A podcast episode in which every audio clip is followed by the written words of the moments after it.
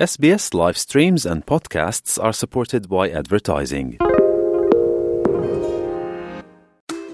SBS Learn English，快乐学英语，获得在澳大利亚生活的视频、播客和建议。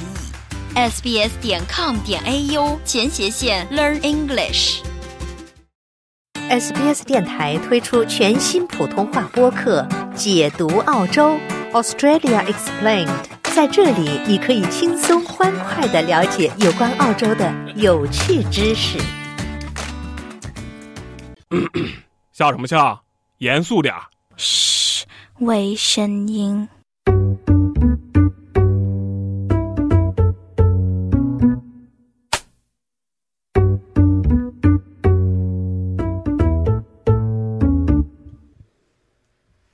听众朋友们，大家好，欢迎您继续收听 SBS 广播中文普通话节目，每周四给您带来的欢乐愉快的微声音。今天是吐槽项目，哎，跟大家想聊一下移民来澳洲的你的那些不同的这个在职场中的糟心经历。哎，因为我们上周好像聊聊到过这个文化差异嘛，哎，就觉得这个可能生活中的文化差异以及在我们工作中还是就是不同的形式。但是两者呢，都占据着我们生活中蛮重的一部分。嗯，确实是，经常和同事们开玩笑哈。如果说在一个呃工作场所待的时间很长，或者说如果是把同事呃当成是我们生活中的嗯、呃，就是说接触的人的话呢，跟同事这个见面的时间，往往有时候比家人的见面的时间还要多呢。嗯，所以今天想跟您讨论的话题就是。移民来澳，面对这个不同的文化背景啊，在职场中您遇到过哪些文化差异呢？或者说，呃，薪资待遇的不同，或者是说刚从大学毕业步入职场，来到一个新的国家这样环境中的就业，或者是刚刚放假回来的这个叫假期综合症的这个痛苦啊！我知道很多人，就包括我们的政府部门或者是。一些公共服务类的呀，它是在一月八号这一周开始才是新年之后的第一个上班周，不像俊杰和我这个感觉好像天天都在跟听众朋友们见面。我们都是必要工作者、啊，对我们时刻陪伴听众朋友们啊。哎哎，一下就感觉崇高了起来呢。哎，不是感觉崇高，就一定是崇高。哎，对，说说起来有点不太谦虚了。嗯、所以呢，非常欢迎下去了。对听众朋友们。无论您是年轻的听众，无论您是年长者，肯定是在来澳大利亚有过很长一段时间的工作经历嘛，对吧？就最开始来到现在，您也一定有着自己的珍贵回忆。那么，欢迎您拨打热线电话一三零零七九九三二三一三零零七九九三二三来参与我们的节目，哎，分享您关于这个在澳大利亚工作的一些经历吧。哎，我们看到。已经有听众等在线上了，我们先接听听众电话，看看听众朋友们到底是怎么样的一个工作经历。我已经非常好奇了，我觉得没有人比我工作再辛苦了，就是他们可能都已经烦我了。我觉得。这位听众是张先生，张先生您好，啊，早晨，大家好，哎，你好，新年快乐，哎，新年快乐。我就我住在这里四十几年了，嗯，现在我呃呃七十岁了，那您一定有丰富的工作经验。所以我就是跟大家分享我我的经历啊啊！我来的时候不多久，我就进了这个 council 里面去做这个啊公园啊工作人员，就是检查啊、嗯、啊检查啊中枢啊啊什么什么的。我的合同呢是一年啊，不是长工是一年，但是我在里面我做的时候呢。几个三一两个月的时候，这个地地方的人啊，饿死啊，他们都进了长工，啊，做了好几个月又进了长工，我就从头做到尾，做到啊、呃、finish 个 contract，我还是没有长工啊，哦，我就給我就没有这个工作了，我就去找其他工作了啊。嗯，那是。就是在这个工作性质上，他们会做到长工，然后您就是经过努力，还是没有达到这个长工的这个职位，对吗？啊，而且工作呢是我们做，他们就是聊天的啊。嗯。啊啊，还有还有，之后呢我就找了份工作啊，俱乐部里面做做我一年呢，头一年我就做这个 kitchen hand，以后呢我就学了一个一个 certificate，就是啊，脚脚足部，我就做了九年啊。里面呢，他们对我的待遇很差。我做了十年，整整十年。我离开的时候，我就去开店嘛。我离开的时候，没有一个人给我 welfare，right？嗯，他们这个 case 我做了三三几个月，呃，离开了就有 welfare 什么了。我做了十年，长工十年，没有 welfare 啊。好了，那我做了。开了店，我就做汽车零件的啊，买卖这个新的汽车零件这个配件啊。我开店的时候呢，我每个礼拜我都要报警，为什么呢？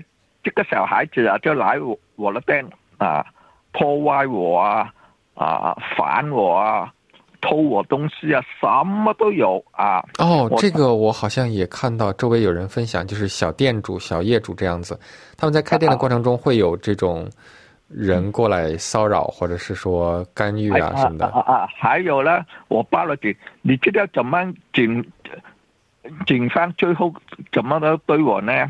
他叫我，因为我没去报警，报到他们都烦了，以后呢？他就叫我去这个警察局啊，我是收店的时候呢，到警察局里面呢，他就给我做了一个钟头，他找一个警察跟给我做，什么也不说，就给我做，做了有一个钟头，花了我一个钟头的时间。为什么呢？他就是警告你，你再报警呢，我就给你麻烦，就是这样的啊。哦，好了，我我就呃。现在我就在 house，我做了十几年 house。我的车现在呢，我都不可以泊 housing 里面 building 里面的车，我不可以放在里面，我就放在很远很远的地方。为什么呢？有一个印度人啊，他就很喜欢给我麻烦，然后呢，他就破坏我的车子，每次都破坏，晚上都他破坏我的车子，所以我的车子都不可以放在。里面我就放在很远的地方，每次回来呀，shopping 回来我都行很很长的路，有时下雨我就停很长的路才回到家。我报了警啊，报了 housing 都没办法啊。我的教育从从我到澳洲现现在，我七十岁了，离开了，我都还是受到很多麻烦。啊，你你看，你的车子不可以趴到你住宅的地方，这个就是很头痛的问题。嗯，而且没有人可以帮到你。嗯嗯，好的。欣赏这个交流的过程中，您可以把这个，如果是邻居哈，离着不是很远的话，这现在的是很多 house 不是有那个监控摄像头嘛？嗯，您可以把车停在他们家的监控摄像头范围内，这样的话呢，可能对您有所帮助哈。警察或者将来您取证的话，方便一些。嗯。我我我的车子里面我我的车子里面我放了六个摄像头，外面 building 我就放了一个。那么 house 跟我说，你外面这个不可以放，你要放你要申请，你要申请的时候你要有 professional 什么什么的啊，要花很多钱很多钱啊。我没这没没有这个办法，house 也不放这个摄摄像头给我们。感谢张先生您的分享啊，确实也是一个比较对碰到烦心事儿来分享一下。那么可以怎么说呢？尽量放下吧。对，我也希望张先生在之后能顺利的解决这些事情。不过我们也看到，哎，谢谢您的参与。我们也也看到啊，这个我们的网站上也有相关的这样一个报道啊。据 SBS 的这个新闻显示呢。张先生刚才提到这种情况，也可以被称作是种族薪酬差异，种族不同，薪酬不同。英国有这方面的研究。那么，我们也看到澳大利亚的一个业务分析员 Marissa Jerry 是津巴布韦裔的移民啊。他以前觉得得不到晋升机会是因为不够进取，但现在开始怀疑自己的种族身份其实是其中的原因之一。与此同时呢，平权活动人士也认为，澳洲的情况可能和英国一样糟糕。位于墨尔本的权益组织文化多元女性创始人。David Pelly 向 SBS 表示呢，该组织曾经于过去两年采访了一百五十名来自各行各业的会这个会员啊，当中百分之八十三的女性认为其文化背景、年龄和性别会阻碍升职。所以看起来文化差异是其中的一个方面。嗯，有时候呢，这个调研报告哈会展示其中的冰山一角。哎，那么与此同时呢，本台记者陈云也采访了关于我们的另外一个职业的这个嘉宾听众啊，这样是我们可以用这个音频的形式给大家来呈现一下。这个有一天，我的领导说：“为什么你开会的时候一句话都不说？这样非常的粗鲁。”哦，粗鲁我就惊呆了。啊，他说：“但是这个事情呢，我跟你说了一次，你知道这个文化，这个对你的 expectation，对大家的 expectation 是这样，以后你就可以慢慢的开始着重调整。那从那以后，我就开始用更开放的心态去观察别人是怎么样在工作当中 present 自己的。那么，我觉得我也是比较幸运吧，碰到了比较好的同事，相当于同龄同级，那么我们一起的在。”就是工作当中成长啊，晋升也好啊，他就会给我一些 idea。他说这个事情是你做的，你要把它写下来，你要让你的老板知道，不然你的老板永远他不会知道，因为老板非常忙。所以你把你自己做的事情写下来，告诉老板，做个总结以后，帮了老板大忙。因为到年终考核的时候，老板只需要一一张短短的 summary。嗯，听众朋友们，以上就是本台记者陈云对。这个受访对象的一个采访，我们能从这个音频中听出来啊，这是关于文化差异的方面。可能有的人觉得，哎，我在公司中默默努力，哎，努力耕耘就行了，老板会看到我发光发热的。但其实不是，有可能有的时候你需要更加直接的去表达，或者说把你的工作内容陈列下来，就做好 summary，可能会有更高效的沟通一点。这点其实我原来感觉。没有来澳大利亚之前，也的确没有，就是注重过。俊杰，你觉得？你想想你之前的过往的工作背景啊，报告是很重要的哈。为什么这么说呢？嗯，就是以现在这个教师行业吧，教师行业经常说：“哎呀，学校这么早就这个下课了哈，老师们好像没什么事儿了。”其实，老师们除了要准备，比方说备课之外呢，还有很繁重的这个文书工作要写报告。呃，不然呢，如果你要是这个。报告写的就是所谓的引号还不够格的话呢，可能这个教育部门呢，在这个之后的对你的评，怎么说呢？就是类似于评估吧，可能就不太好呢。所以就是怎么说呢？报告很重要。虽然说金子会发光，但是你得就站在显眼的位置，你这个光芒才能冰冰冰让人看到。对，别的别的我倒是感觉不出来，但是我们经常报一些时事政治的问呃话题哈。那么。政治人物他也是他的一个职业嘛，哎，经常可以看到他们是他们做报告很多啊，经常在议会里面辩论的时候，就是基本上属于是报喜不报忧的那种状态吧。嗯，对，所以还是确实不一样的一点就是，我们要敢于表达自己啊。对，等于那在辩论的过程中，对方挑出了负面的，他就得应对嘛，对吧？这个事儿我觉得我行，因为主打一个没脸没皮，不怕丢人，哎，这很重要。对。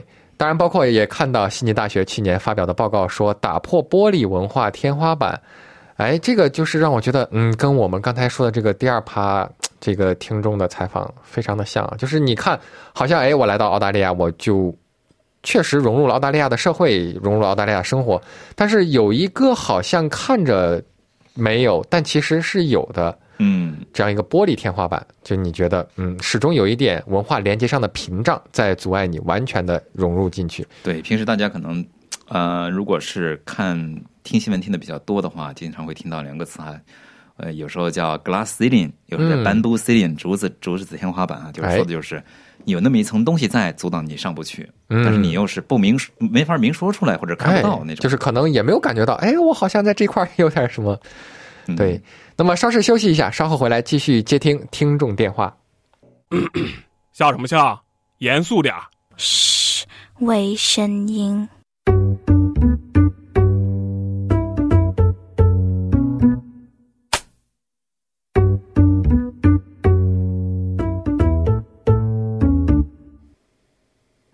听众朋友们，欢迎回来，继续参加我们轻松愉快的微声音。先跟大家表达一下我不想上班的心情。对，哎，这个这个人家是没有这个休完假的人，嗯，不想回来上班是吧？我们对现在刚才接听的听众电话中已经有了这个。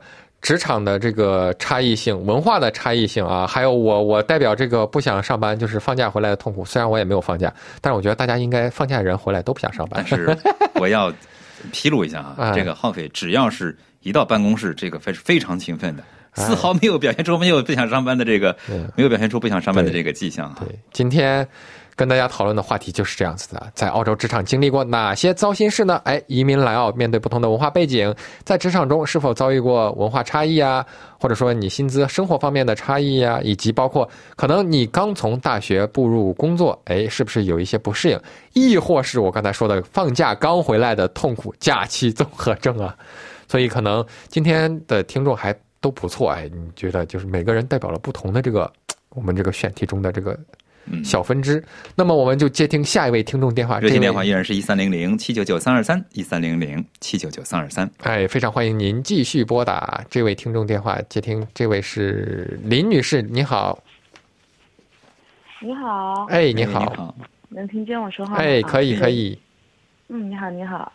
我先自我介绍一下吧，我叫 Jessie，然后我现在是在呃 Geelong，是在那个墨尔本。墨尔本旁边的一个小镇这边的一家啊那嗯 engineering 就是一个工程机械工程公司工作。哦。对，然后我做的是会计相关的这一方面的工作。嗯。啊，我当时找到这个工作之前呢，我是在悉尼生活了很长的一段时间，啊，然后是因为工作签证的原因，然后就搬到了这边 Geelong 这边，是拿着嗯那个偏远地区签证。嗯，然后那段时间是正好 COVID 结束了之后，所以说有大量的一些工作机会会给到一些像我们拿这种签证的人，因为那个时候嗯有很多海外的这个啊、嗯技术移民没有办法回到那个回到境内，对，所以我那个时候嗯运气很好，就在一家公司找到了一个非常好的。嗯，就是这个公司它的整个团队的氛围就很好，然后没有加班，嗯，然后可能很很太重要，local 哈。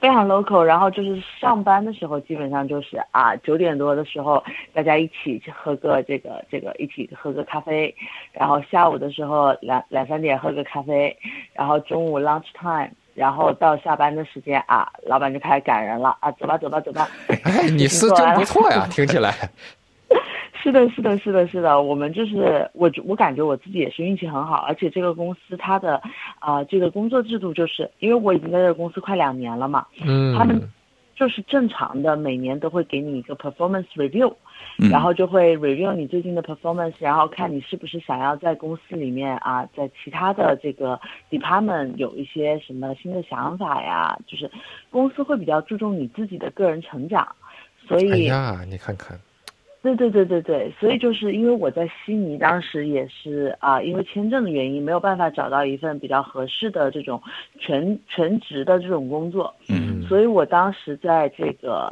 呃在我们这个公司的时候，感觉还是非常好的，因为有 performance review 就意味着升职加薪嘛，对的，然后对，然后我们公司也比较大，所以我我经经过去年的 performance review，我今年差不多是会有机会可以到啊、昆士兰或者到西澳的分公司再去看一看，嗯，对，看看他们那边有有没有什么特别有意思的事情。然后因为做会计嘛，会计这个东西还是比较无聊的。